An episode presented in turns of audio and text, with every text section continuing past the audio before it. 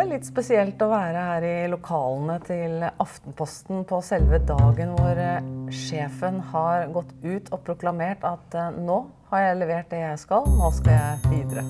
Ja, Det har vært en ganske begivenhetsrik eh, dag her, eller i hvert fall før lunsj.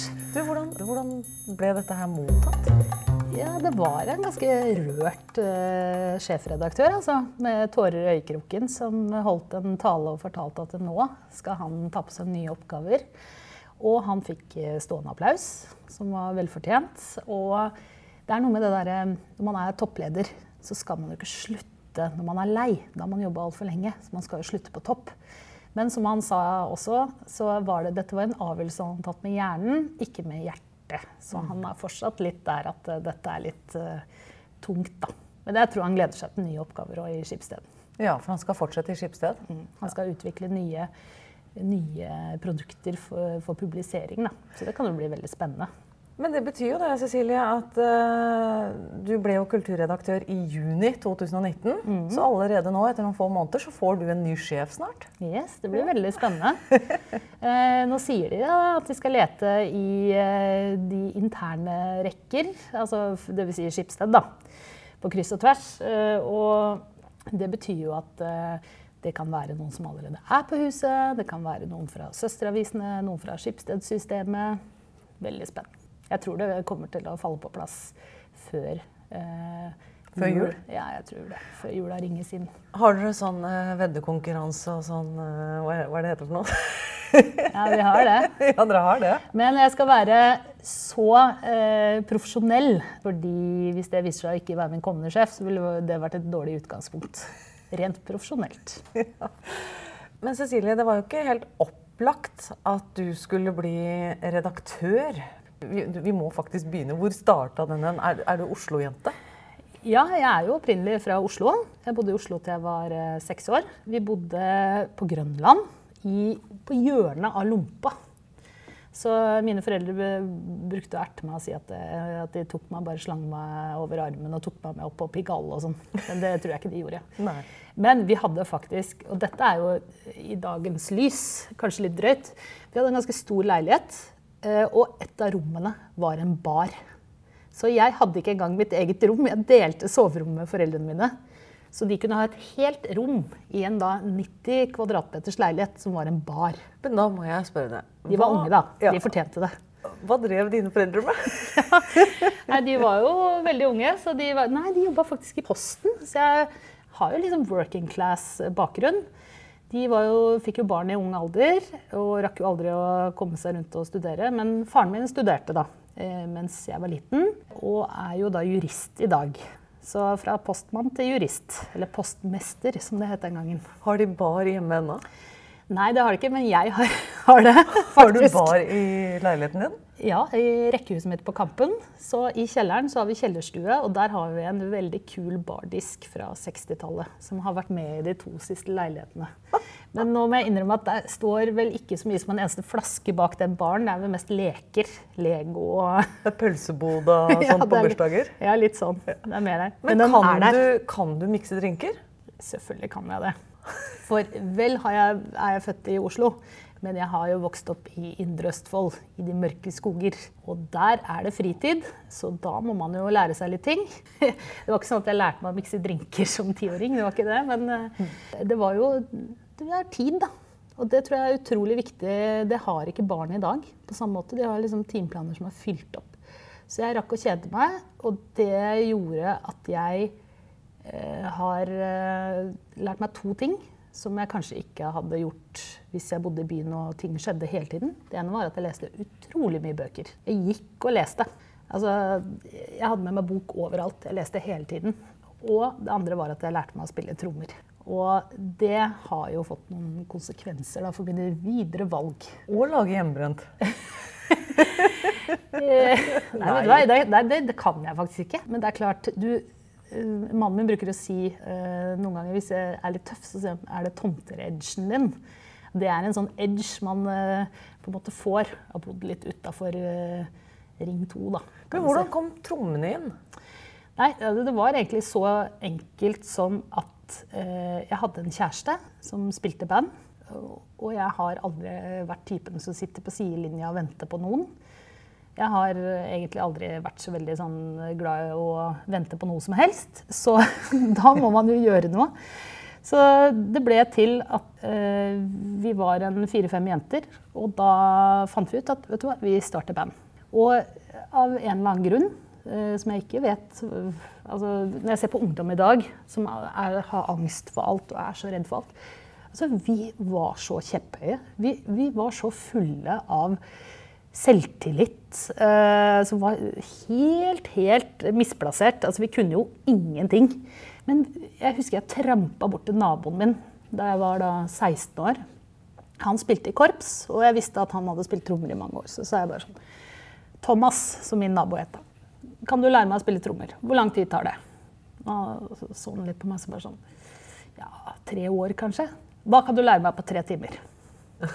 Og etter de tre timene så hadde jeg lært meg eh, altså to fjerdedeler og fire fjerdedeler enkelt. Eh, jeg kunne jo ikke spille. Og jeg gikk ut derfra. Jeg var bare Vet du, nå kan jeg spille alt. Jeg kan spille et hvilket som helst band. Etter tre timer? Etter tre timer. Men de fem jentene som starta, ja. Er det de som ble The Laundrettes? Eller Nei. hvordan uttaler du det? Laundrettes. Ja, som er vas Vaskemaskinene? Vaske, vaskerier. Vaskeriene, ja, ikke sant? Som du har på 60-tallet. Du ser det i London fortsatt. vet du, sånn Laundrettes. Nei, det er det ikke. Men, uh, så det er vel av de opprinnelige fem, så er det nok bare jeg som spiller i bandet i dag. Men allerede den gangen så visste jeg at jeg kom til å spille i band.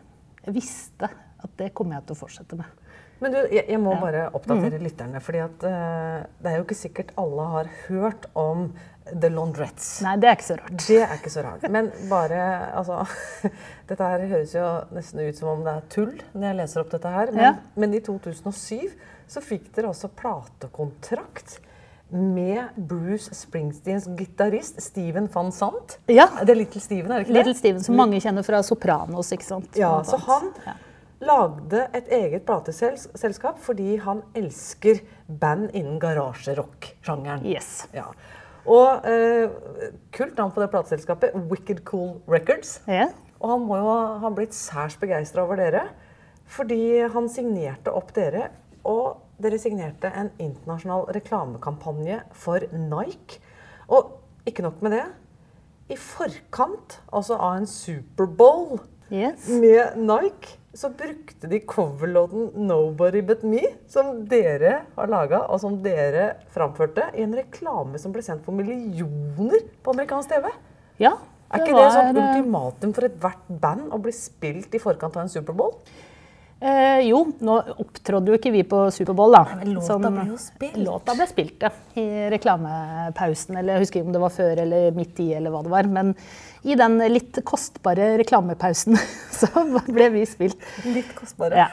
Men eh, det rare er at eh, alle de tingene der, de er veldig morsomme ting. Men eh, det er først og fremst det. Altså det er eh, Band er noe jeg driver med eh, fordi jeg syns det er gøy å spille musikk. Og så har det jo vært ganske mye ressurssterke folk etter hvert som har spilt i det bandet, som har jobba i både NRK, og grafisk designere og bookingselskaper. Så vi har jo vi har vært ganske sånne Self-made? Eh, det kan du si. Vi har ordna oss. Eh, men eh, det å bli rockestjerne på heltid, det la jeg fra meg da jeg var sånn 24-25. Og alt eh, vi har gjort etter det, har egentlig vært ting vi har tenkt dette har vi lyst til å gjøre. Og så har vi sagt nei til de tingene vi ikke vil. Og det er et sånt privilegium som man ikke kan gjøre i arbeidslivet alltid. Eh, eller veldig ofte ikke i arbeidslivet. Så eh, band har vært en sånn Noen har yoga, noen spiller golf. Jeg spiller i band. Tilfeldigvis så har det gått litt bra i perioder. Så, ja, jeg vil jo ja. si det. Når du spiller for 50 000 publikummer i Hyde Park, så er vel det litt mer enn et garasjeband fra ja, det var, Oslo? Jeg vet ikke om det var 50 000 da vi spilte, men det var tusenvis. Vi bodde, bodde i en sånn landsby backstage. Da man sånn, fikk lov til å bo med de store bandene. Da. Og da var det syv uker siden min førstefødte, førstefødte barn hadde kommet til verden. Og vi hadde fått forespørselen tre uker før, eller noe sånt, og da var jeg sånn Nei, jeg kan ikke gå glipp av det her. Så jeg måtte bare si til mannen min vet du hva, vi må dra. Så da, der satt vi backstage, eller i denne landsbyen, med da Iggy Pop som nærmeste nabo. Og The Stooges de bodde sånn vegg i vegg med oss i sånne små hus, sånne campinghus. Og der satt jeg og amma og holdt på og bare Vær så god, her er ungen. Jeg var veldig spent på, åssen på en måte, hvordan kommer dette å gå. Og så bare kom jeg på scenen. Du blir kjørt inn på scenen bak da, med bil. Og så bare gikk vi opp dit, og så bare kjente jeg dette kommer til å gå helt fint. Og det gikk fint òg. Det gjorde det. Ja. Dette Men- blir gøy. Han naboen din i korps Ja. som ga deg de tre fundamentale første timene. Har du snakka med han siden? Jo, jeg har det. Altså, vi har ikke nær kontakt. Har du sagt det- tusen takk? Jeg tror jeg har gjort det, faktisk. Ja. Jeg bruker å være ganske raus. Så eh, det har jeg nok helt sikkert gjort på et tidspunkt. Men du, den musikkinteressen din er jo på et um, litt over gjennomsnitt uh, nerdete nivå. For ryktene sier også at du har 5000 vinylplater hjemme. Ja da. 5000? 5000, ja. Hvor har du de? I baren? Nei, vi har uh, uh, Altså, jeg tar etter mine foreldre, da, så jeg sørger for at de voksne har sitt eget lekerom. Så jeg har jo gifta meg med en eh, som seg hør og bør lydtekniker, eh, som også har drevet sitt eget studio. Så vi har et studio i kjelleren, som er et slags studio slash kontor slash platerom. Så der koser vi oss da med alle vinylplatene. Men han samler jo ikke på vinyl. Og det morsomme er jo at før, når vi fikk besøk, så tror alle at det er hans plater. Men det er det ikke. De er mine. Og jeg samla siden jeg var 15. Og i den samlinga der Den har vært så mye penger at det tør jeg ikke si høyt engang. Hvis altså Den er spesialforsikra. Den er det, ja? Ja, ja. Hvis du skulle ta ut én av de hvor du tenker bare at den her, den klarer jeg meg ikke uten. Hvilken uh, snakker vi om da? Det, det, det er vanskelig. Det er som å velge mellom sine 5000 barn, da. Hvis du skal velge tre, da. Ja. Nei, altså hvis jeg skal bli litt sånn eh, nostalgisk, da, så ville jo helt klart eh, den aller første singelen jeg ga ut selv, i 1999 Følelsen av å få en vinylsingel i hånda. Altså, du har gitt ut bok, du veit hvordan det føles. Og du bare tenker Det fins ikke bare én, vet du. Det fins flere hundre av denne. Flere tusen. Og snart så skal mange få den. Det er en helt spesiell følelse. Men musikk Og det her var i ja, 19 19 1999 var første. En slags jubileum. Jeg husker jo følelsen eh, da eh, Nirvana kom. Og jeg hadde hørt på masse punk og rock og sånn før det, men da jeg plutselig skjønte at undergrunnsmusikk kan bli stort, at det er ikke bare noe som skjer på liksom møkkete små klubber så, og Ikke minst den videoen med de cheerleaderne med masse tatoveringer som står og danser mens da Dave Grohl slår seg løs på tromme, helt vilt på trommesettet, og Kurt Cobain svinger rundt, og det er liksom Når jeg så på det der, så tenkte jeg det der, det, det skal jeg være med på. Det greiene der. Og det fikk du vært med på. Ja. For det er vel kanskje litt Altså eh, Jeg er litt nerdete. Eh, sånn at jeg gjør jeg, Hvis jeg har for mye fritid, setter jeg i gang prosjekter. Så F.eks. Fødselspermisjon er jo noe av det dummeste jeg kan gjøre. For da setter jeg i gang ting. Og det, det kan være sånne ting som lære seg Rubiks kube, det kan være sånn lese Ibsen kronologisk, se Har du Seinfeld. lest Ibsen kronologisk Ja. ferdig? Det gjorde jeg i forrige fødselspermisjon. Det kan anbefales. Hvor mange måneder tok det? Nei, det tok ikke så lang tid. Hadde, det skal sies da, til alle mødre Jeg har ett barn som ikke sov i det hele tatt. Og så fikk jeg barn nummer to som har sånn sovebaby. Det er natt og dag. Så det, det, handler om, det handler ikke om man er et supermenneske eller ikke, det handler om hvor mye tid man har tilgjengelig. Og da hadde jeg det, og da fyller jeg gjerne den tiden med type sånn, gjerne noe litt kulturelt eller litt nerdete. Det er sånn prosjekter. Det driver meg veldig. da. Det er sånn Sitte, komme på en idé, tenke hm, det hadde vært gøy å reise på turné til USA. Hva skal til for å få til det? Og så fire måneder etterpå stå på en scene i New York. Sånt får jeg et kick av. da. Og det kan man bruke til mye vet du, i arbeidslivet. Nettopp fordi vi skal snakke litt mer om eh, kombinasjonen det å være leder og det å være bandmedlem. Fordi det er noen likheter mellom eh, det å være i et rockeband og det å være leder i en avis. Helt Eller klart. kanskje et annet sted også. Kan- jeg- Men før det, men, ja. men Cecilie, fordi at du eh, skjønte jo da at du ikke skulle bli rockemusiker. Så tok du journalistutdannelse. Nei, vet du, først så tok jeg juss. Du tok du jussen før journalist, Ja. journalistikken? Yes. I tillegg til å være litt nerd, så er jeg jo skolenerd òg. Så jeg hadde orden på karakterer, og det var ikke no, det var ikke noe problemer der. Så hadde jeg en bitte liten, sånn liten U-sving innom politikk, faktisk. Eh, hvor jeg var eh, fylkesleder i et politisk ungdomsparti som 16-åring. Unge Venstre. Midt på, midt på treet, vet du. Litt sånn eh, pragmatikeren. Og så det gikk for treigt for meg, så det, det holdt jeg på med bare sånn tre-fire år, kanskje. Men jeg, da ble det juss. Og det likte jeg egentlig veldig godt. Men det var bare det at det var litt vanskelig å kombinere jussutdanning. Eh, Jeg tok jo par Jeg har jo to år da, som jeg har eh, gjort ferdig. Er det sånn første og andre avdeling? Ja, på en måte. Jeg havna midt imellom sånne omlegginger, så privat rett grunnfag, offentlig rett grunnfag type. Eh, og så, så hadde jeg begynt å jobbe litt i avis, for jeg veldig, alltid vært glad i å skrive. Så jeg kjente jeg ble litt sånn sugd i den retningen. Og så var det rockeband, og så var jeg på turné i USA, og da skjønte jeg at eh, jeg kan ikke drive med tre ting, så nå må jeg ta noen valg. Og da valgte jeg bort jusen. Og det var faktisk litt tøft, fordi at det var den nerdete delen av meg. eh, Den, eh, den likte så godt liksom, den juridiske metoden og den måten å tenke på. Da. Men den har faktisk gitt meg noen veldig, veldig gode verktøy for å løse en del, særlig innenfor presseetikk. Da, og etiske problemstillinger og litt prinsipielle, store problemstillinger. Det å liksom hente inn litt den gode, gamle juridisk metode hvor du bare legger følelsene litt sånn i gangen. Tenker analytisk gjennom eh, Hvor det egentlig ikke er svaret, men det er veien til svaret som er det viktige. Og det har eh, vært nyttig. Og hvis du ønsker å ta påbygning på det, så er jo det aldri for seint. Tanken har slått meg. Så Bare å finne tidspunktet. Ja, det er det.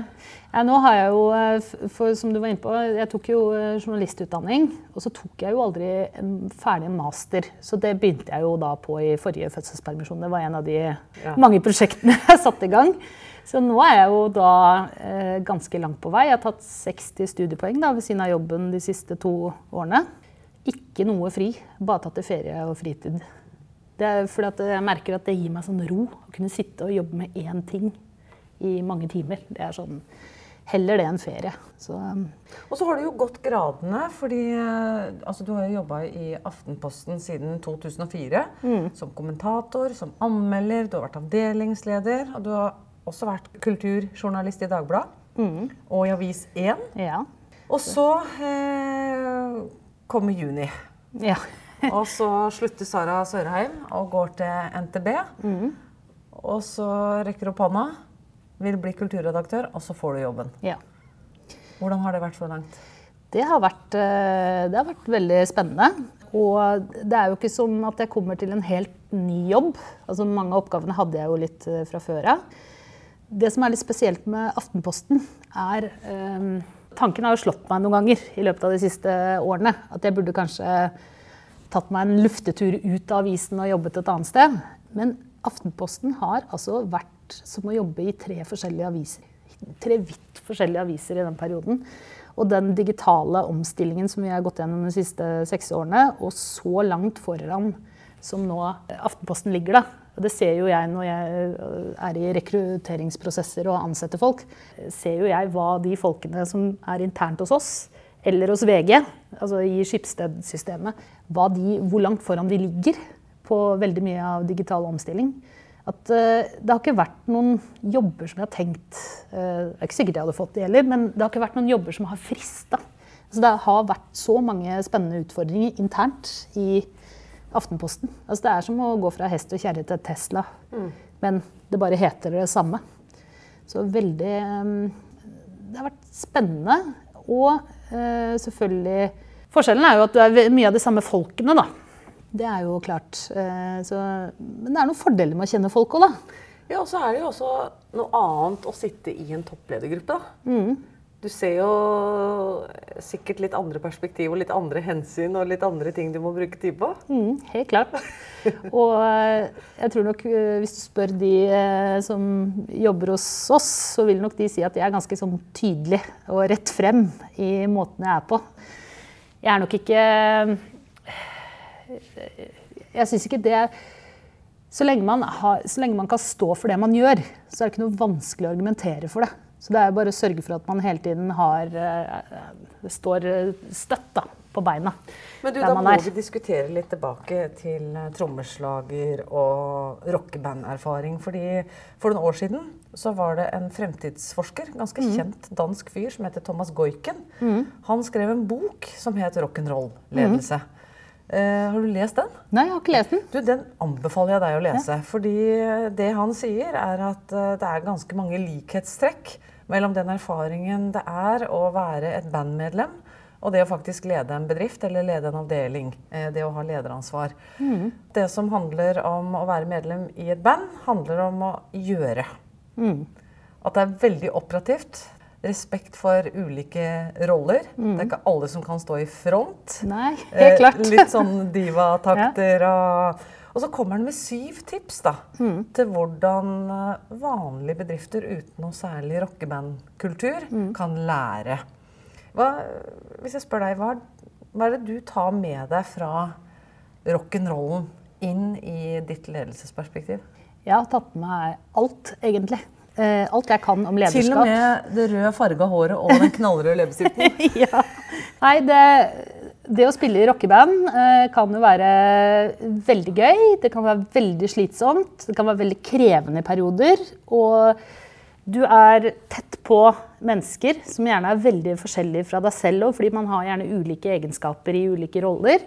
Og så skal man skape noe kreativt og kunstnerisk som man kan stå for sammen. Samtidig som man skal på en måte distribuere det kommersielt. Da. Og det er ikke noe vits å spille band og hvis ikke noen hører det man Eller da får man bli studioband, da. Men i hvert fall sånn type rockeband som jeg har spilt i, hvor man er ute og spiller, så er man jo litt avhengig av at det kommer et publikum. Og det er, for å si det sånn, det er ikke noe gøy når det ikke kommer publikum. Og det er Eller alle enige Eller når man ikke har abonnenter. Ikke sant. Og det er, så det, det å på en måte Når vi ga ut et nytt lørdagsmagasin, så tenkte jeg nå gir vi ut et nytt album. Når vi eh, har et event, så tenker jeg nå har vi en konsert eller en festival. Og da tenker jeg på starten av det eventet hvis uh, Vi var jo på et event sammen forrige uke, f.eks. For eksempel, og da tenker jeg sånn Starten må sitte som en åpningslåt. Og åpningslåta må sitte. Hvis det blir krøll når folk går på scenen, hvis det ikke smeller med en gang, da er det ikke bra nok, liksom. Starten og slutten må sitte. Og så skal det være spennende ting imellom, men det er særlig de to tingene. Så jeg bruker de referansene hele tiden på Eh, hvordan jeg løser problemer, eh, hvordan jeg får ting til å skje. Og så tror jeg litt den derre Altså den do it yourself eh, Når du spiller i rockeband og skal både forhandle avtaler med plateselskaper, bookingbyråer Du skal sørge for å beholde liksom den kreative altså, Du skal holde på det. Det skal være noe du tror på. Du skal kunne stå for det. Når du gjør alle de tingene, så uh, lærer du deg ganske mye da, om business. Og du lærer, deg altså Vi har spilt i 15 land. Vi har spilt i 10 stater i USA. Vært der tre ganger og spilt.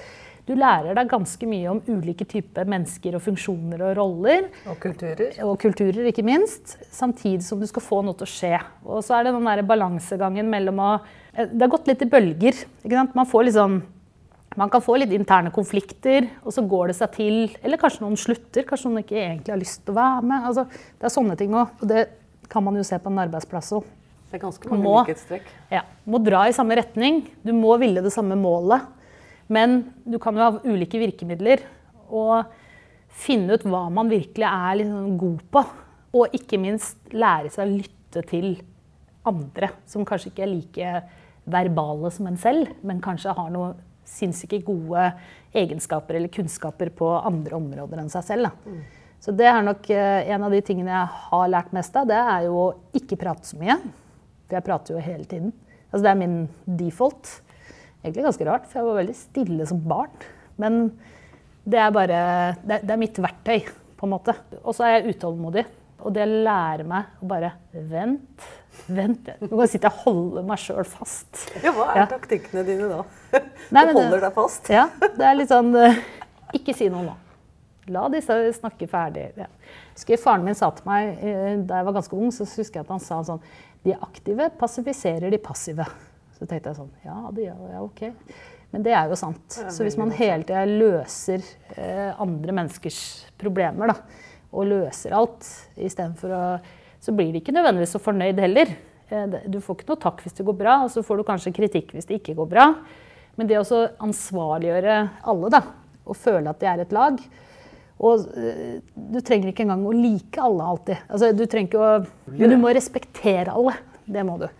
Og eh, spille band med folk du tenker at ja, Kanskje på fritiden så er det ikke sikkert vi hadde hengt ut så mye, men du må ha respekt.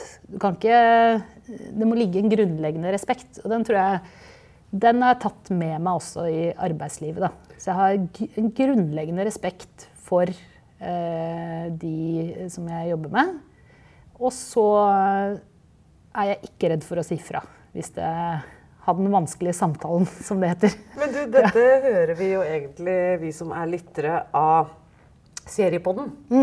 For det er jo en podkast som mm. du leder sammen med Einar Aarvik og Jonas Brenna. Serieprat. Ja. Yes. Ja, ukentlig podkast. Jeg kaller det Seriepodden, jeg. Ja. Den Ja, men det er heter jo ikke det. nei, men du Nei. tenker på Aftenpodden. Alltid Jeg tror det Ja. Eh, Men kort, altså, det, kunne godt hett Seriepodden på litt sånn kort På sånn slang. På sånn slang kunne Ja. det hete. Men podkasten heter Serieprat. Ja. Ja. Svunger litt mer av seriepodden, altså. Jeg vet ikke. Den kom intuitivt. Ja, ikke sant? Ja. Men uansett, eh, å høre på den er jo en fryd for alle oss som elsker serier. Og det er så interessant å høre dere to, nei dere tre diskutere, for da går du inn og tar den rollen. Og Einar og Jonas kan jo være helt uenig om en film, og så går du inn og modererer litt, og så gir du begge to litt rett, og da tenkte jeg her kommer jusen din. Ja. ja. ja, det er sant. på en side så ja, det og ja. Men det er jo en, eh, en fantastisk podkast, Mm. syns jeg, som, eh, som, som bare blir bedre og bedre. Og den starta jo opp, det er jo ikke så veldig lenge siden, i november i fjor. Ja, ett år siden, ja. Ett år siden. Og da jeg skjønte at i juni nå så hadde den allerede runda én million avspillinger. Nå har den faktisk runda to millioner avspillinger. Utrolig bra. Så folk er interessert i TV-serier. Ikke minst prat om TV-serier. Og også det at det er eh, faktisk tre forskjellige meninger. Ja. Og det som er interessant, er at eh, nå har jeg begynt å bli kjent med de tre profilene. Da. Mm. Så eh, nå hører jeg mer på hva Jonas sier, f.eks. kontra Einar og omvendt. Mm. Fordi at jeg har mer lik smak den ene enn den andre. ja. Og sånn skal det jo være i Ja. anmelderiet. ikke sant? Så hvis han ene sier ja, men dette er bra, da vet jeg at dette er bra. Mm. Fordi han har anbefalt ti andre som jeg mener er bra. Ja. Så da Vi må jo ikke gå fra denne podkasten her uten at du har gitt Camel-lytterne forslag til tre serier vi bør binge-watche Ja. i jula. Kan jeg gjøre lett. Lett. Lett. Hvis ikke man har sett TV-serien Fleabag, som går på Amazon Prime, så er det, det er mandatory. Altså, det er Kan tenke dere Sex og singelliv møter eh, Afterlife med Ricky Gervais. Altså en litt sånn mørk, dark, eh, britisk utgave av Sex og singelliv. Med, eh, med et fantastisk rollegalleri. Eh, blant annet Olivia Colman, som nå spiller dronning Elisabeth i, eh, i The Crown. For øvrig også en veldig bra serie. Hun spiller da her stemoren til da hovedpersonen som ikke har noe navn. Som også er en erotisk brukskunstner. Altså Det må være en av de mest eh, forferdelige, ja, forferdelige rollene.